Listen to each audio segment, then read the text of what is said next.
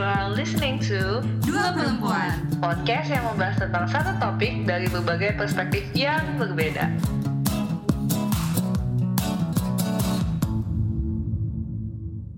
Hai, gue Citra dari Dua Perempuan.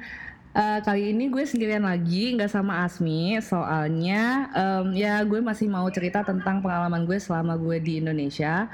Kali ini karena gue nggak ditemenin Asmi, gue bakalan um, datengin salah satu narasumber. Dia salah satu Wonder Woman. Orang yang paling berjasa untuk uh, apa ya kayak membuat kesan sangat mendalam cuy. Lah mendalam banget untuk pengalaman kemarin gue. Gue habis join uh, salah satu youth camp. Dan di situ acaranya sukses banget bisa gue bilang. Materinya oke okay banget. Dan itu bekat kerja kerasnya salah satu perempuan yang sangat menginspirasi gue ini. Nah, gue mau ajak kalian kenalan sama uh, Mbak Rosi. Hai Mbak Rosi. Hai Citra. Mbak Rosi kita udah nggak ketemu satu minggu tapi kayak aku masih belum bisa move on gitu Mbak dari camp yang Mbak sangat sukses selenggarakan. Di situ wow, iya. peluk ya dari jauh. Peluk dari jauh. Iya kita LDR gitu guys. Um, jadi gimana ya? Jadi menurut gue podcast ini sangat apa ya? Sangat universal lah bisa di, dilakukan di mana saja dan um, karena kita LDR ini cuma by phone jadi maaf banget kalau noise.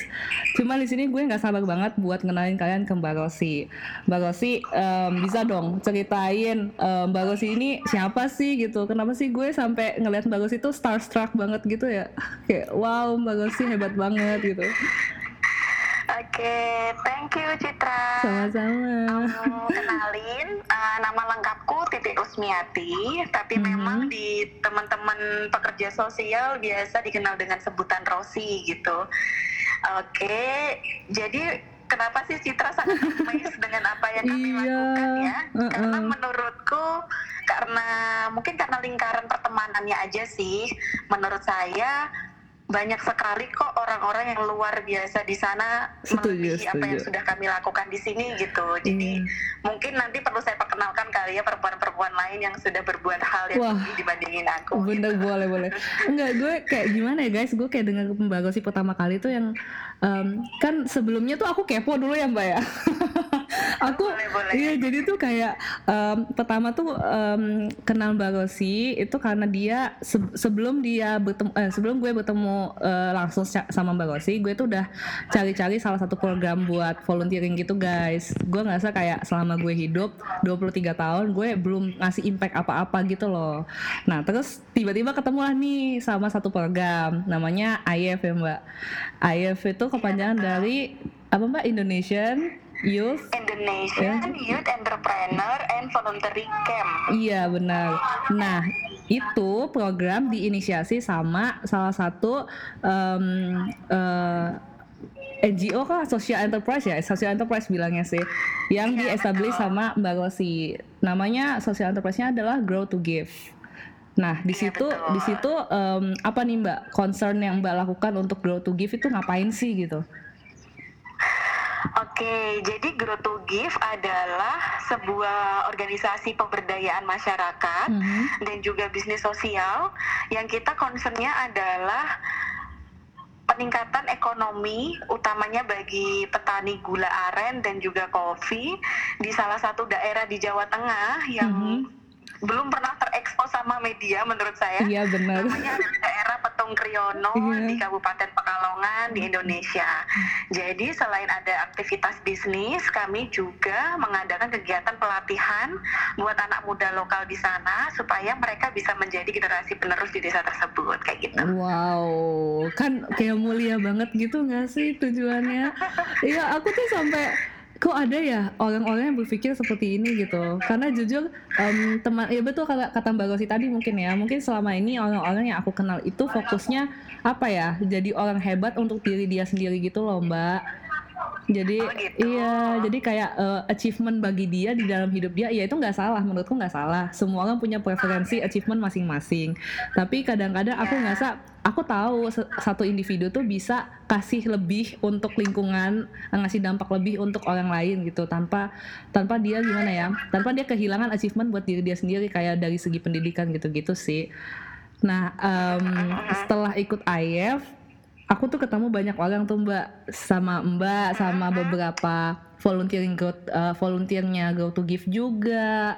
Terus sama satu lagi ada uh, kan ini acara tandem ya mbak? Kerjasama sama satu satu apa ya organisasi juga namanya World Merit Semarang namanya World Merit Semarang dan itu juga aku ketemu si presidennya World Merit dan menurut aku dia juga si Salman by the way Hi Salman if you're listening dan dia juga sangat inspira eh, apa inspiratif gitu loh orangnya dan uh, aku iya aku pengen tahu nih apa sih yang membuat Mbak tergerak gitu loh melakukan kerja sosial gitu? Kenapa sih harus kerja sosial gitu? Kenapa nggak Mbak kerja kantoran aja gitu?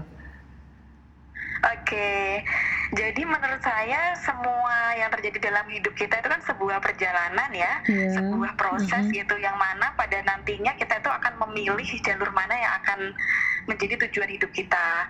Okay. Nah, jadi kalau dibilang apakah belum pernah kerja kantoran pernah, mm-hmm. apakah pernah kerja di organisasi lain pernah. Mm-hmm. Jadi kalau misalnya orang bilang kerja ini lebih enak, kerja itu lebih enak, nah dari sudut pandang mana dulu nih melihatnya gitu dan tergantung orangnya juga. Nah kebetulan saya sangat memegang teguh prinsip bahwa manusia itu saling membutuhkan. Benar. Itu pernah nggak hmm. sih kita itu dalam hidup di mana kita itu mau nggak mau harus berhadapan sama orang yang mungkin kita tidak suka. Iya, iya, iya. kan misalnya kayak kita kayak nggak suka banget sama satu orang gitu kan, cuman nggak ada pilihan nih selain ngadepin dia gitu. Iya. Nah, aku pernah banget tuh di kondisi saat itu di waktu saya masih kuliah dan mau nggak mau gue harus mau berhadapan sama yang gue anggap tanda kutip musuh gitu. Okay. Nah di situ saya kan sangat sangat belajar bahwa iya ya bahwa manusia tuh nggak boleh membenci yang lain gitu kita harus saling merangkul wow. karena kita nggak pernah tahu apa yang akan terjadi di depan benar, gitu benar, benar. namun namun sebenarnya pada prakteknya ya terkait kerelawanan menurut saya tuh hampir semua manusia deh itu tuh pernah melakukan kegiatan kesukarelawanan mm-hmm. namun tidak dinamain aja tidak oh, pernah iya, dikasih iya, nama iya. aja misalnya kita bantu kakak kita tanpa kita dikasih uang kasih uang jajan atau kasih permen gitu kan kita bantu itu relawan yeah. mungkin hal sederhananya waktu kita SMA waktu kita masih pakai kapur tulis itu kan bantuin guru hapus hapus papan tulis oh my god iya iya gitu, gitu yang atau mungkin kita waktu sibuk di pramuka kita jadi senior ngelatih hmm. adik-adik kelas kita ngajarin morse si mapur itu juga tanpa dibayar karena menurutku sebenarnya pada prakteknya manusia itu sudah melakukan kegiatan kerelawanan gitu namun gak dinamain aja Benar, nah kemudian kalau kembali ke pertanyaannya Citra apa sih yang menggerakkan saya uh -huh. untuk jadi pekerja sosial dan yeah. mendirikan aktivitas sosial gitu yeah. karena uh, saya merasa bahwa the more I give, the more I get. Oh, oh. Jadi jadi ketika saya menabur gitu nggak tahu ada rezeki aja datang dari dari mana aja gitu dan itu rezekinya bentuknya nggak harus berupa uang ya benar ya seperti saya mengenal Citra oh jauh-jauh wow. orang yang terbang ke Indonesia gitu nggak mungkin bisa saya dapat loh kalau saya nggak melakukan kayak gini gitu iya, iya, iya, karena benar. pada prinsipnya bahwa ya itu tadi manusia saling membutuhin itulah kenapa kita perlu melakukan sesuatu untuk orang lain tanpa mengharap orang lain orang yang kita bantu itu bantu kita. Nah, grow to give itu adalah salah satu cara saya untuk membagi yang saya punya kepada orang lain tanpa saya berharap mendapatkan sesuatu dari mereka, tapi saya akan mendapatkan energi dari orang lain lagi dengan dengan bentuk yang berbeda lagi iya. kayak gitu. Wow, aku speechless mbak. aku dengarnya kayak ini quotesnya banyak gitu loh dalam sekali oh, ya? iya. Wow quotes ini quotes quotes quotes gitu. Gila aku kayak eh mbak uh, mbak tahu nggak sih ternyata um, kita punya mutual friends. Aku um, aku kenal orang namanya Firza dia katanya pernah ketemu Mbak juga di YSLI atau Mbak kenal nggak sama oh, dia? Firza yang dari iya. Lampung bukan? Benar, aku dari Lampung soalnya. Nah, um, iya, dari iya. situ dia dia dia bilang, iya aku kenal sama Mbak Rosi. Dia bilang, ehm, Mbak Rosi pernah cerita gimana gimana gimana ya struggle itu ngediriin Grow to Give gitu. Terus aku aku kan udah pengen ini ya, udah pengen punya rencana gitu. Ya ide banyak gitu kan tapi implementasi belum tentu bisa jalan. Jadi kayak aku ide tuh udah banyak. Mau bikin inilah mau bikin itu. Nah waktu bikin organisasi si Grow to Give ini si social enterprise ini itu gimana sih mbak? Kayak awal mulanya sampai akhirnya mbak bisa jalan. Udah berapa lama sih yang Iya, pengen aku iya. tahu berapa lama sampai akhirnya bisa jalan lah pelan-pelan tapi udah pasti gitu. Iya, jadi kalau kembali ke Firza ya, Iya. jadi kenapa Firza kena banget pertemuan pertama sama Firza itu karena saya kebetulan uh, disandingkan dalam satu forum gitu namanya Oh. leadership theory theory Iya. itu kita sama-sama jadi partisipan gitu Um, dan di situ saya nangis gitu ceritanya di forum Wow. Iya jadi di, di situ itu kalau nggak salah bulan dis um, I forget November November apa, 2017 kata dia sih. Oh iya Eh, itu kira-kira. di saat kayak enam bulan jalannya Grow to Give tuh jadi Ah, oke. bener-bener masa di mana kayak ada pertentangan batin merasa apa yang kita pengen itu belum tercapai dan Hmm. banyak tantangan-tantangan besar di depan yang aku nggak tahu harus gimana nah di Mhm. forum itu kebetulan aku nangis gitu makanya akhirnya ya orang melihat bahwa struggle is real lah Iya iya benar. Nah, jadi Go to Give itu sebenarnya inisiasinya itu dari akhir tahun 2016 karena Oke. saya terakhir bekerja secara formal yang benar-benar kantor dari jam 8 sampai jam 5 itu di bulan Desember 2016 saya resign. Kemudian namun sebelum resign itu tentunya pasti kita nggak bisa bilang satu alasan ya kenapa kita resign dalam satu tempat ya. Mhm, mhm. Tapi Confidential satu lah ya. di antara ratusan alasan yang lain gitu. Itu karena memang saya ingin membuat sesuatu yang itu jerih payah Diri sendiri, gitu. iya. yang uh, uh, nah mungkin dari egoismenya di situ sih. Jadi bahwa aku pengen berbuat sosial namun harus dari apa yang aku pengen gitu. Nggak mau keluar dari idenya orang lain gitu. Berawal dari situ. Nah kenapa aku harus membuat pergerakan sosial? Karena basically ya saya bekerja lima tahun di NGO gitu jadi Oke. mungkin secara keilmuan mau nggak mau ke situ kan Oke. kecuali kalau memang kita mungkin jadi guru matematika lima tahun mungkin ke depannya bikin les-lesan matematika mungkin iya gitu kan iya iya aku ngerti ya, mungkin karena saya kerja di sosial mau nggak mau ya apa yang kita create pasti nggak jauh-jauh dari apa yang sudah pernah kita lakukan Mhm. nah jadi namun dari Desember sampai Juni itu adalah masa di mana aku kayak banyak kontemplasi diri dan Oh. juga kebetulan aku juga les lain gitu les-les ada ada les yang aku ikutin. Jadi memang sengaja kayak udah saving money untuk satu tahun ke depan gitu. Aku nggak mau kerja dulu sampai aku nemuin bener-bener apa yang gue pengen gitu.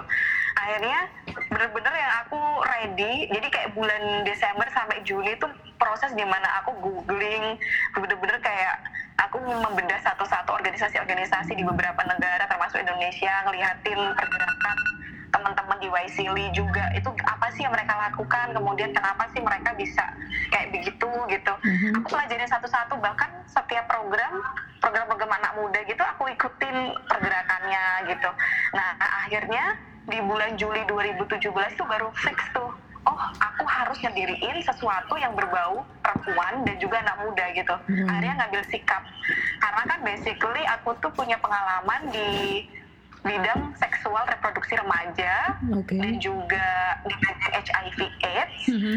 Uh, kebetulan juga aku dulu pernah jadi delegasi delegasi internasional di Melbourne gitu Wow, luar biasa. di bidang HIV AIDS gitu kemudian juga aku bergerak di bidang child protection dan juga women empowerment gitu nah akhirnya dari sekian banyak skill yang aku aku merasa bahwa saya mampu di situ aku harus milih kan aku nggak boleh maruk kan kalau bikin sesuatu Iya iya.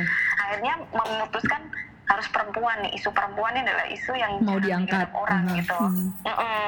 Nah, karena aku juga aku harus memikirkan target marketnya ke depan kan maksudnya Benar, kita benar. membuat sesuatu juga mikirnya ini bisa berkelanjutan nggak bakal Iya. ada yang ngedukung nggak gitu kan Nah, akhirnya aku merasa bahwa perempuan ini adalah segmen yang baik untuk diangkat nah kemudian saya memikirkan bahwa organisasi ini nggak boleh organisasi yang kaku yang tua yang konvensional gitu kan aku pengennya yang Anak muda banget ya. gitu. Iya. Heeh, makanya akhirnya ini kita harus melibatkan anak muda di dalamnya tapi dia keterlibatannya di mana nih gitu Mhm. akhirnya di bulan pokoknya bener-bener bulan Juli sampai Desember itu udah ketemu anak muda sama perempuan kan ruhnya Iya. dan ekonomi empowerment gitu di situ aku banyak banget ikut event di Jakarta ketemu banyak orang utamanya mereka para misalnya direktur yayasan Mhm. atau penggerak-penggerak sosial yang di isu perempuan aku banyak diskusi sama mereka aku sampaikan ideku gitu mereka banyak ngasih insight dan satu insight yang membuat lahirnya teguh adalah bahwa Grow to Give itu harus milih satu pilar yang itu harus fokus. Kamu nggak boleh tuh tiba-tiba bicara tentang kesehatan, bicara Mhm. tentang pendidikan. Mhm. bic- Kamu harus milih tuh kamu sebenarnya apa gitu. Nah akhirnya kita memilih, oke kita milih ekonomi. Kenapa ekonomi? Karena menurutku gimana orang mau dapat pendidikan kalau nggak bisa bayar ya kan? Oh iya, bayar pasti butuh duit Iya. gitu. Gimana dia mau akses pendi- kesehatan, layanan kesehatan kalau misalnya jaraknya jauh dia butuh bensin, butuh uang lagi. Kembalinya pasti ke ekonomi gitu. Dasarnya rootnya pasti ke ekonomi. Mhm.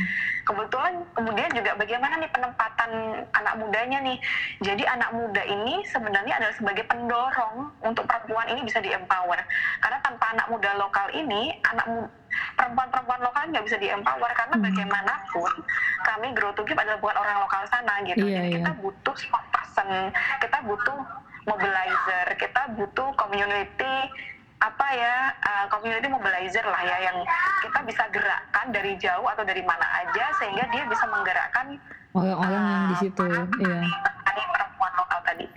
Jadi Mhm. gitu. Nah, jadi bisa dibilang Grow to Give tuh baru banget ya baru setahun lebih dikit. Kita kan mulai dari Juni Juli 2017 sampai sekarang ya satu tahunan lebih dikit dan belum banyak yang kami lakukan sih Citra masih banyak PR ya? tangga yang perlu kita lakukan. Hmm.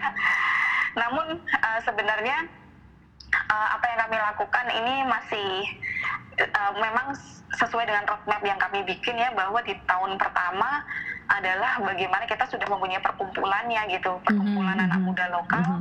dan juga perkumpulan petani di mana kita saling sadar bahwa kita hadir di situ untuk membantu mereka dan kita bekerja sama dalam menjalankan bisnis ini bareng-bareng gitu jadi keuntungannya untuk bersama-sama juga gitu jadi sebenarnya memang roadmapnya sudah sesuai dengan harapan kita tinggal ini nih termasuk IF Camp juga bagian dari roadmap kami bahwa Wow. Iya, ya kami ma- mungkin dulu belum ada namanya apakah bentuknya akan seperti apa ya. Iya. Cuman uh, pelatihan tentang bisnis sosial itu memang menjadi roadmap di tahun pertama kami gitu. Dan berhasil ya, Mbak? Makanya. Berhasil. Alhamdulillah begitu ya. Jadi iya. kata berhasil sepertinya itu muncul dari para peserta sendiri. Iya, iya, iya. Saya sangat merasakan keberhasilannya Mbak Sampai belum bisa move on guys Ini udah tanggal berapa ya? Campingnya udah kayak 8-9 hari yang lalu gitu loh Iya, iya, iya, iya, iya. Alhamdulillah ya Hmm. bisa apa ya pesan yang kita ingin sampaikan itu nyampe lah intinya ya. Walaupun awalnya juga panitia ini deg-degan gitu pas apalagi pas waktu tiga hari launching poster gitu ya. Mhm. Aduh belum ada yang daftar nih, belum ada yang daftar gitu. Dan ternyata daftarnya ke Hamin, kebanyakan iya. mahasiswa Indonesia. Ha- Hamin satu Iya, iya, iya. Iya, Parah iya. itu. Aku udah aku udah nggak sih itu. Kayaknya emang nih kayaknya oh, telat-telat gitu. Cuman alhamdulillahnya tuh kalau menurut aku berhasil sih. Karena pertama dari segi materi aku dapat banget. Dan jadinya tuh nggak sabar gitu mbak. Pengen kayak ayo cepet-cepet bikin apa nih? Aku pengen sekeren mbak Rosi nih bisa bikin itu. Cuman pas pas denger nih cerita mbak diriin Girl to Give sebegitu apa ya sebegitu totalitasnya gitu aku jadi kayak oh oke. Berarti memang kalau mau mau melakukan sesuatu tuh yang pertama emang harus pertama totalitas banget research ya mbak terus tri- trial error gitu pasti ya mbak ya kayak mau coba ini terus gimana gitu Mhm. Kalau menurutku pertama semuanya itu berawal dari ide kan. Mhm, benar Jadi uh, uh, menurutku ide itu muncul dari apa yang kita lihat di sekeliling kita dulu deh, Cit. Iya. Maksudnya uh, nggak harus menjadi apa yang seperti saya lakukan, tapi coba lihat diri kamu tuh sebenarnya mampunya apa, oh ya kamu tuh punya kelebihan di apa, baru kamu melihat masalah sosial yang di sekeliling kamu wow gitu. benar Nah, itu benar-benar apa Ya. yang jadi nggak usah jauh-jauh gitu loh, nggak usah jauh-jauh nyari ide tuh yang mungkin kamu ngerti arsitektur tapi tiba-tiba kamu loncatnya ke malaria gitu kan. Hmm, Itu kan kamu siapa gitu kan nggak Iya, ngerti iya. tentang isu itu kamu punya PR tambahan buat belajar lebih tentang malaria kan.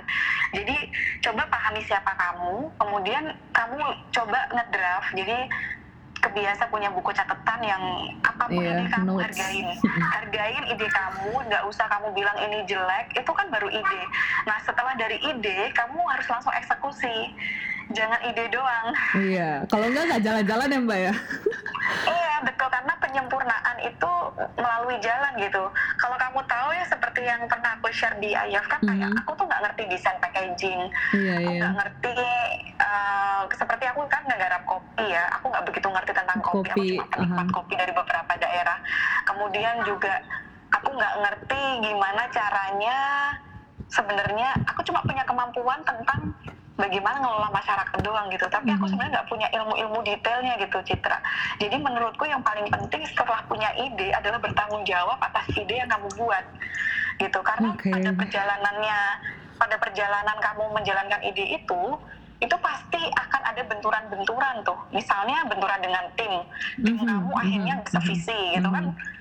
tim kamu akhirnya hengkang gitu hengkang dari organisasi kamu gitu atau digital atau apa Iya. gitu kan nah kamu sebagai pemilik ide harus bertanggung jawab apa ya apa yang sudah kamu mulai gitu nggak boleh kamu mangkir sendiri dari ide kamu makanya orang punya ide itu nggak sebatas ide tapi do it sampai Oke. itu selesai gitu Luar dan biasa. harus ngotot Iya iya iya. harus kayak ada namanya kalau aku bilang itu uh, never quit attitude Oke. Jadi insist gitu ya, kayak harus gitu ya. iya betul apa pun yang terjadi lah apa pun yang terjadi gitu.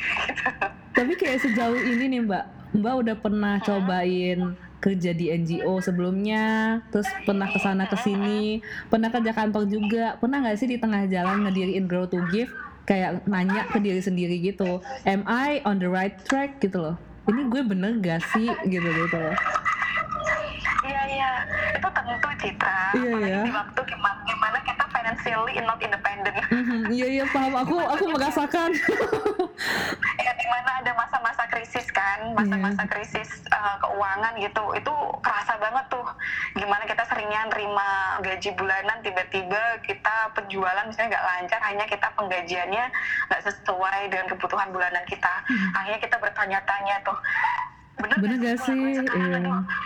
Banget nih kayak gini loh gitu-gitu kan Iya. namun apa yang gue lakuin adalah aku harus ketemu sama orang yang tepat kalau mau Oh, ngobrol tentang itu oke. jadi makanya dalam berorga, dalam berorganisasi atau bentuk social enterprise itu pasti yang dirasain itu adalah kesepian, Citra. Wow. Serius deh, maksudnya teman-teman yang ngejalanin uh, sebuah movement itu pasti pertama rasanya sepi, kayak kerja sendirian, nggak ada yang Hmm. ngertiin gitu. Mhm. Nah, itu padahal sebenarnya hanya perasaan di bawah alam sadar kita doang sih sebenarnya. Hmm. Makanya butuh ketemu sama orang-orang yang tepat. Nah, makanya kita harus tergabung sama komunitas-komunitas. Iya, iya. Misalnya kayak komunitasnya Mas Mario yang kemarin Iya. disampaikan Indo Starter. Indo Starter, Atau di iya. Jogja juga aku punya komunitas lain. Jadi kalau misalnya aku ngerasa yang nggak beres sama diriku nih sama spiritku, aku harus charging my energy. Oh, Jadi oke aku ketemu sama mereka, ikut-ikut forum, akhirnya ngerasa bahwa oh bener nih yang gue lakuin memang semua pengusaha ngerasain apa yang gue rasain kok, Iya, jadi gue iya. nggak sendirian gitu. Ya makanya pergaulan tuh harus milih, Cit. Oh, Jadi oke. bukan kita berarti pilih-pilih temen ya, Mhm. Uh, kita tetap berteman sama siapa aja, namun di suatu momen, di suatu kesempatan, kita harus benar-benar milih siapa sih sebenarnya role model kita, Uh, karena paling penting menjadi pengusaha ataupun uh, bentuknya apa pun ya baik pengusaha maupun sebatas sosial aktivis, kita butuh banget lingkaran yang sesuai dengan energi yang mau kita bangun kayak gitu. Yap, yap, setuju. Aku setuju. Soalnya udah udah kena, aku udah kena banget sih di diri aku. Jadi kayak sebelumnya aku kayak ngerasa aku anaknya insecure gitu loh, Mbak. Kayak aku nggak cantik, aku nggak cantik sesuai standar Indonesia. Terus aku gimana ya? Banyak lah hal-hal yang menurut aku tuh sebenarnya nggak penting untuk di apa ya dikhawatirkan gitu loh pas aku terjun ke Petung Kriono ngelihat langsung sama warga lokal ngobrol sama mereka aku ngerasa kayak lebih bersyukur kayak ya ampun Citra yang lain itu tuh punya masalah lebih besar daripada masalah hidup lo gitu loh kayak gitu deh mungkin nggak pernah lihat pesawat loh, Cid. iya kayak aku tuh kayak ngerasa Iya kan? Aku suka banget sih kayak kemarin waktu di camp itu tuh rasanya kayak apa ya? Aku beneran gak peduli aku siapa aku dari mana aku latar belakangnya apa mereka nerima aku apa adanya loh mbak. Bayangin dong kalau misalnya kita masuk di suatu sistem ya.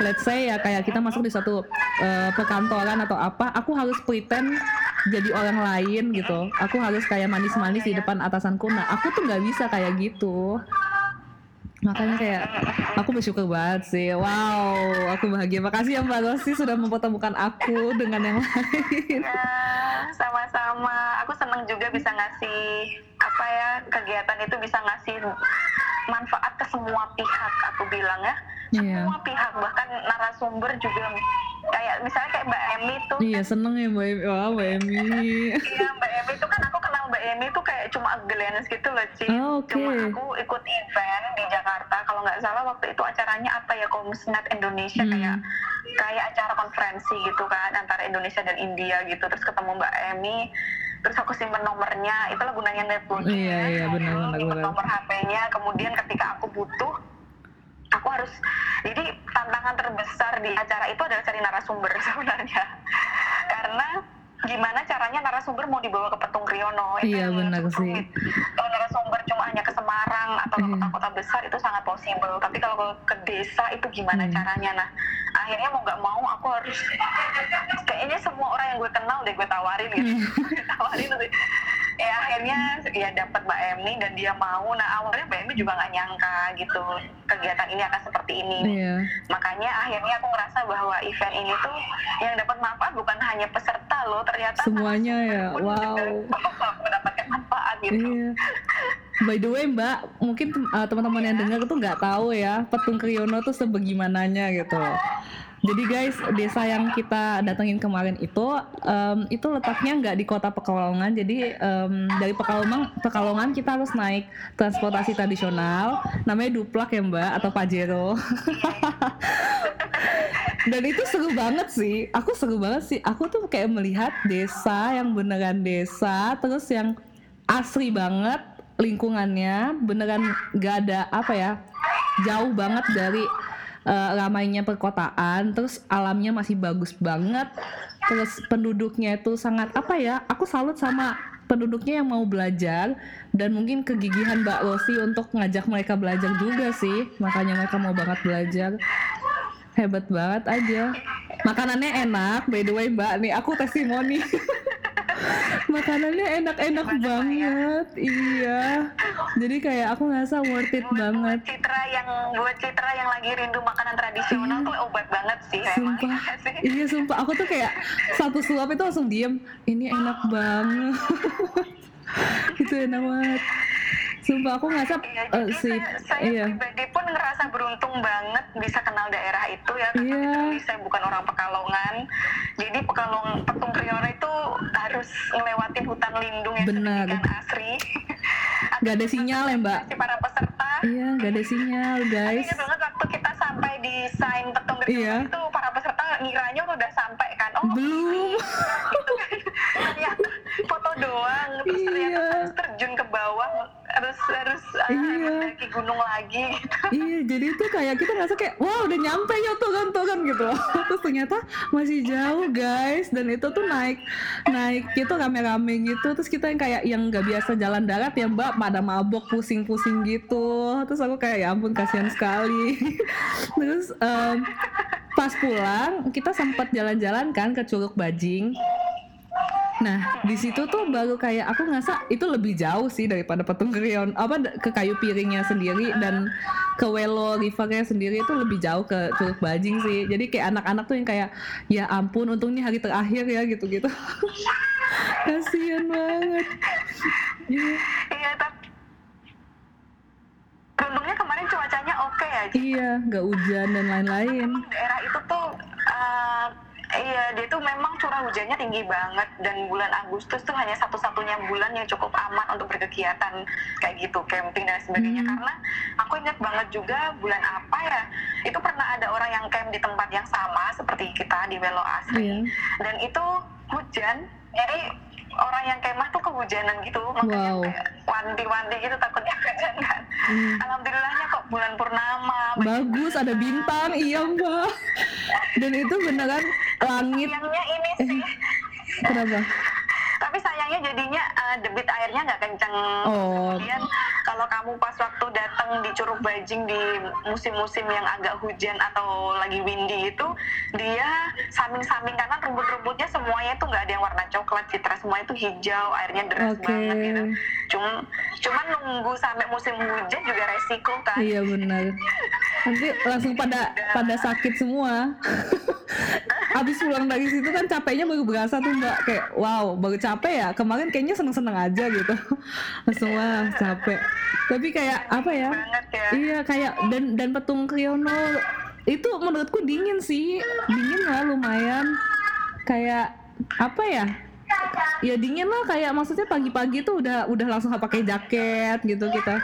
Nggak keringetan bener mah nggak keringetan. Karena mbak lo sih udah warning gitu nggak usah bawa baju banyak-banyak ya karena dingin gitu. Dan bener kok dingin Iya, baju sama aja nggak apa-apa. Lawang malamnya sampai 12 derajat, aku lihat itu kan aku cek suhunya. Hmm.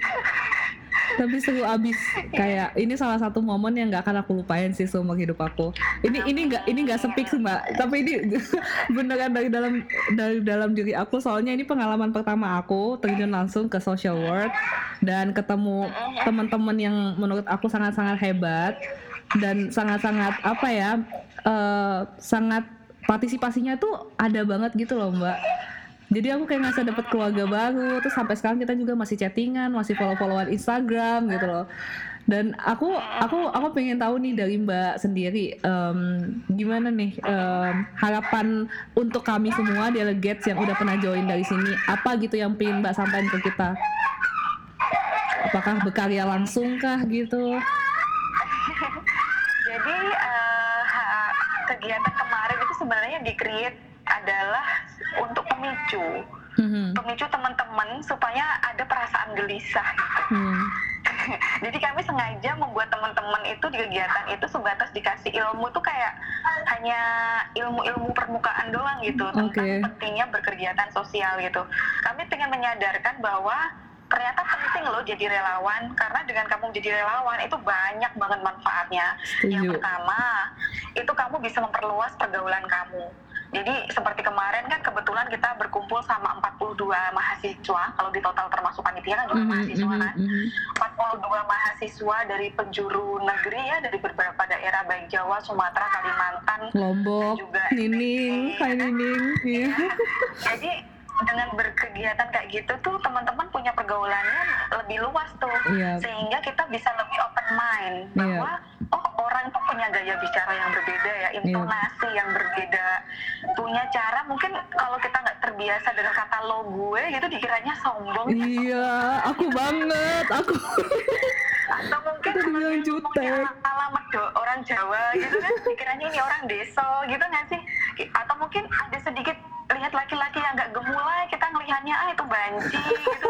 Atau mungkin dia kita langsung blame bahwa dia langsung kita langsung ngasih label oh ini orang pasti homoseksual nih gitu kan yang ganteng gimana mbak yang ganteng? Ngeliat cowok yang Yang ganteng? ganteng, wah, dia mesti metropolitan Iya yang ganteng dari belakang mbak, yang ganteng dari belakang.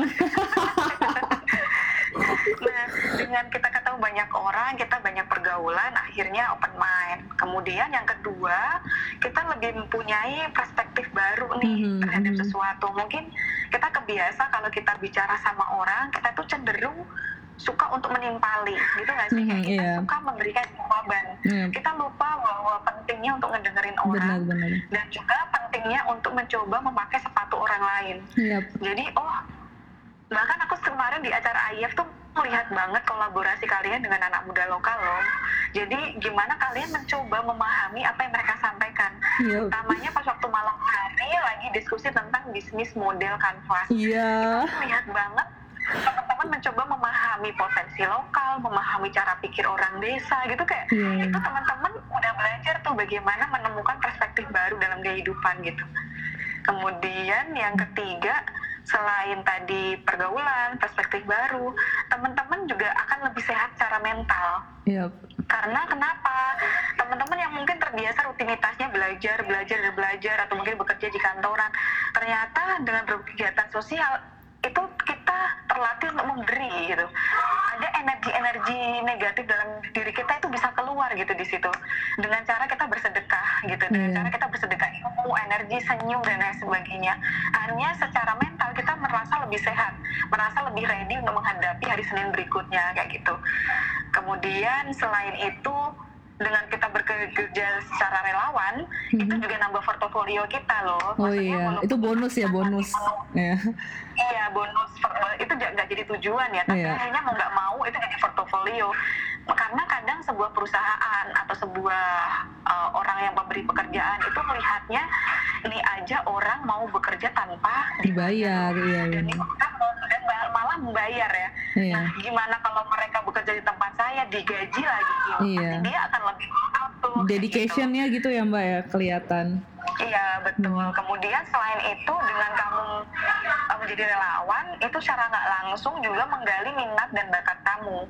Ternyata kamu baru tahu, oh ternyata aku Iya. suka loh ngejelasin sesuatu. iya ke iya orang. iya setuju Iya gitu setuju kan. Ternyata aku suka apa gitu yang yang mungkin kamu nggak pernah nyadarin itu. Ternyata aku passionate loh di bidang isu lingkungan gitu. Oh, setuju yang aku nggak pernah tahu gitu.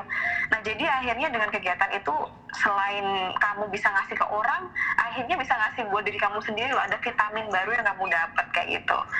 Dan kamu menyadari satu hal juga bahwa uang itu nggak segala-galanya dalam setuju aku setuju banget poin yang terakhir gitu. Wow wow wow. kemudian kembali kemudian kalau kembali ke pertanyaan Citra tadi apa sih harapan saya terhadap teman-teman Mhm. ya? Setelah kita picu tadi dengan manfaat-manfaat kerelawanan teman-teman akhirnya menya- teman-teman setelah sadar gitu ya teman-teman jadi bisa menggali potensi diri. Gitu. Mhm. karena saya tahu sih teman-teman peserta ini kan masih mahasiswa ya. Jadi saya nggak berharap teman-teman tiba-tiba langsung create something gitu Yep. enggak jauh dari itu. Karena aku nggak mau juga teman-teman create something tapi nggak konsisten nanti takutnya iya karena nggak sustainable ya. iya. Iya masih setelah ker- setelah lulus tiba-tiba aku masih pengen kerja dulu deh kak. Tapi kan udah terlanjur bikin platform nih. Nah ini Hmm. platformnya nanti jadi angka kan. Oke. jadi lebih baik sekarang teman-teman temukan passion karena kemarin ada kelas personal iya development, personal to development. Gitu. dari kaput. Hai kaput. Teman-teman harapan saya bisa ketemu dirinya sendiri sebenarnya siapa dan mau apa. Mhm. karena saya pernah loh nemu teman yang dia udah S3 jurusan biologi dan tentang primata. Ternyata ketika dia udah lulus S3 dia ternyata mau kerjanya sebagai pekerja sosial dan itu nggak ada hubungannya sama primata sama sekali iya Nah dia sampai harus S3 dulu gitu loh sampai dia ketemu dirinya. Nah harapanku teman-teman kayak jangan lama-lama deh kayak temukan passion. Habis itu coba kejar passion itu melalui bekerja di tempat lain dulu nggak apa-apa. Entah itu jadi internship iya atau bekerja secara profesional. Baru setelah itu sembari jalan, sembari temukan ide-ide yang mau kalian create nih. Karena Mhm. memang Indonesia tuh butuh kalian yang create something, bukan hanya do something loh setuju harus create something. Iya. Karena kita itu 2045 kita itu adalah bonus demografi demografi bagi pemuda gitu di Indonesia. Dan itu itu adalah momen banget buat Indonesia. Sayang banget loh pas waktu nanti lagi momentum ternyata nggak ada generasi-generasi perubahan di Indonesia gitu. Makanya harapanku di IFM itu adalah teman-teman yang sudah ikut itu adalah menjadi generasi agent of transformation untuk Indonesia di tahun-tahun selanjutnya kayak gitu. Wow, Mbak, you got me speechless again. oh my god. Oke, aku punya last question buat Mbak nih. Bakalan ada nggak sih IF 2019? Siapa tahu ada teman-temanku yang mau ikutan gitu, Mbak. Nah, kalau mengenai AFK 2019 kayaknya harus deh ya, Cit. Harus ya, harus. Harus itu. Kayaknya kita nggak punya option lain deh untuk bilang nggak harus. Alumninya diundang nggak, Mbak? Ah, boleh, boleh. Jadi pakai Tia doang. Yo, Nah, baik-baik, siap, siap, siap. Tapi mengenai konsep kegiatan atau mungkin lokasi kegiatan itu masih perlu difikirkan lagi ya. Mhm, mhm. Karena kan nggak kita bikin acara yang sama persis ya, apalagi Yep. kan nanti pasti penerima manfaatnya kan anak muda lokal tuh mereka Yep. udah pernah dapat materi itu jadi otomatis mereka harus scale up dong materinya harus naik satu level Mhm. nah makanya harus ada harus ada pembaharuan kurikulum materi nah itu makanya belum tahu nih apakah uh, tempatnya akan di tempat yang sama ataukah kita bisa ke bisa ke tempat lain yang mungkin lebih lebih keren lagi atau mungkin kita bisa berkunjung ke social enterprise yang lain di Indonesia gitu kan Wah, collab, collab. Bagus tuh, bagus tuh idenya. jadi jadi menurut saya tetap harus dilanjutkan namanya akan tetap sama Iya. namun mengenai tempat dan juga ide materinya akan berubah gitu Wow. Nah, dan mungkin mungkin Citra aku jadi mau nambahin sesuatu Boleh, boleh, Mbak.